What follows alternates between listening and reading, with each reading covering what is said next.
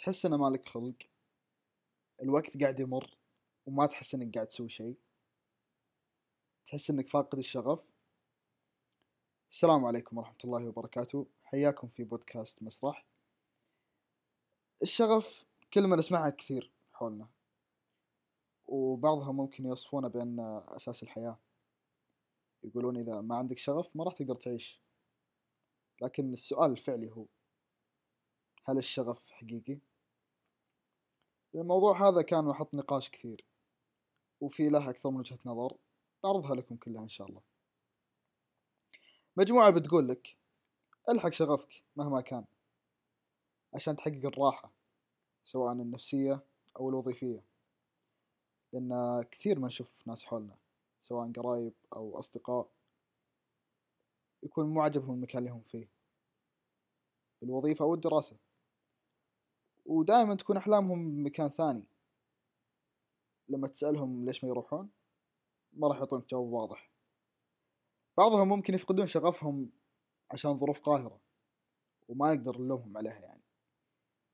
أما البعض الآخر آه، أختار ما يسمى بالخيار الآمن.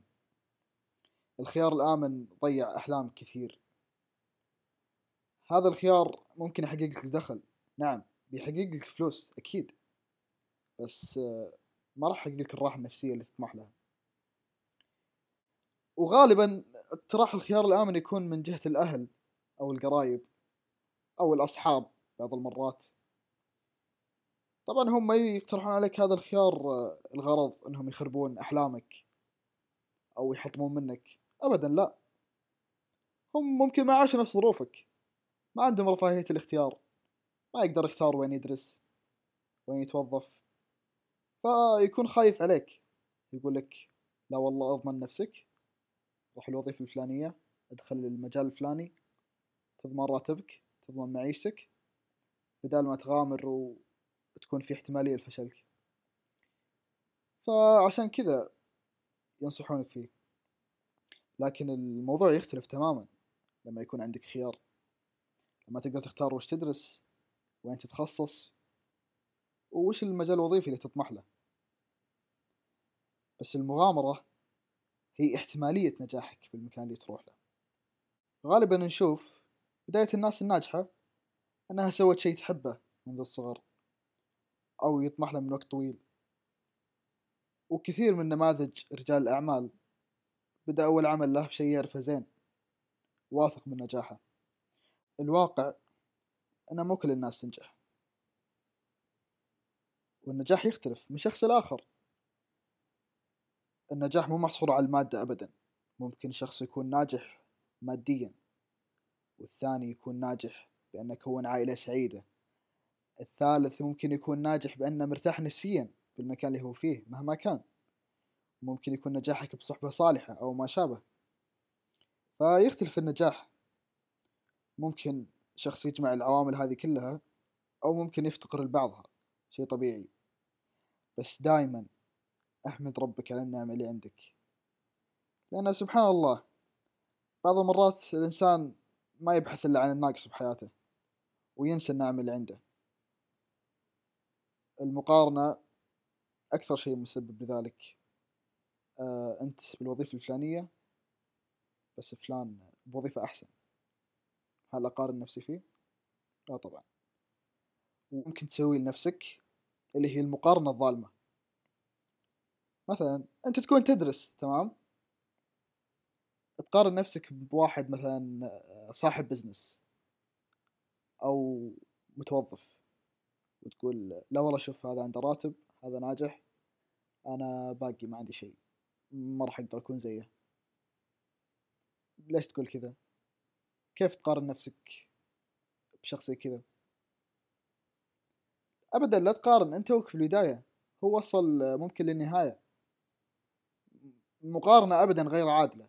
لو تبي تقارن نفسك قارن نفسك مع نفس الناس اللي بالفئة حقتك. عشان على الأقل تكون المقارنة طبيعية. آه بعض المقارنات تكون لها جانب إيجابي اللي هي تحمسك تسوي أشياء أحسن. بالعكس هذا المفروض نسويها. نقارن نفسنا مع الناس اللي حولنا نقول ما شاء الله هذا وصل كذا بإذن الله إني أقدر أوصل نفسه وأحسن.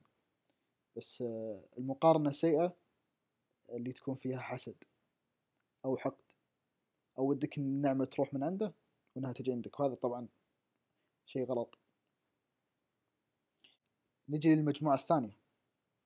المجموعة الثانية تقول لك أن اللحاق وراء أحلامك ممكن يدخلك بدوامة كبيرة من القلق والمشاكل النفسية.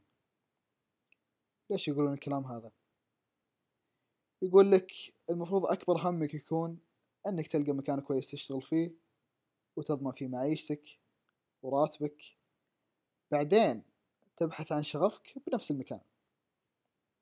ممكن ما تصدقون بس هذا المفهوم ترى فاد ناس كثير.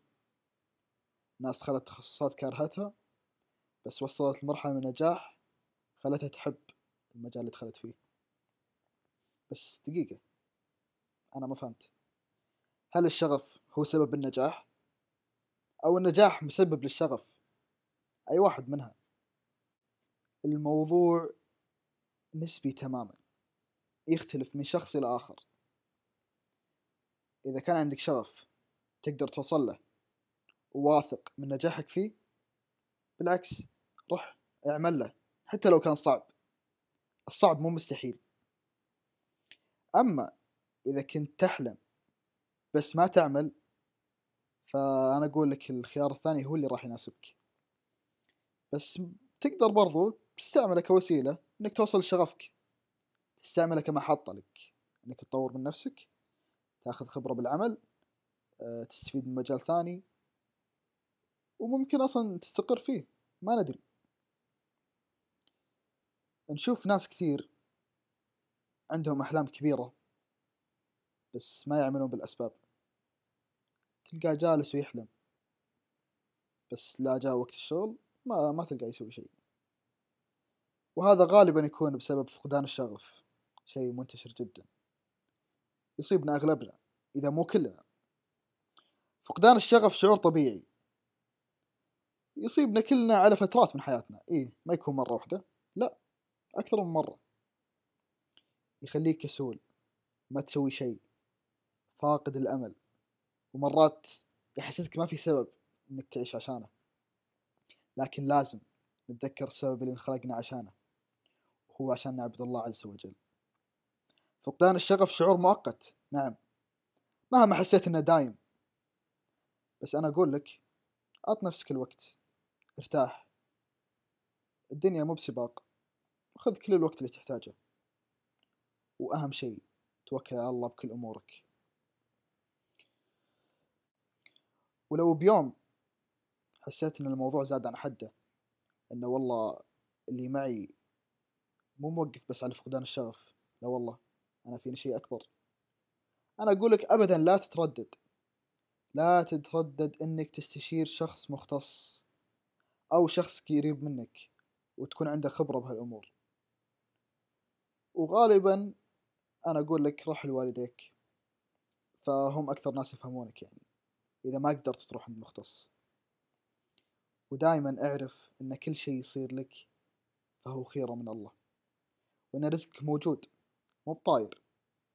لكن طبعا لازم تعمل بالأسباب عشان تحققه. شكرا جزيلا لكم.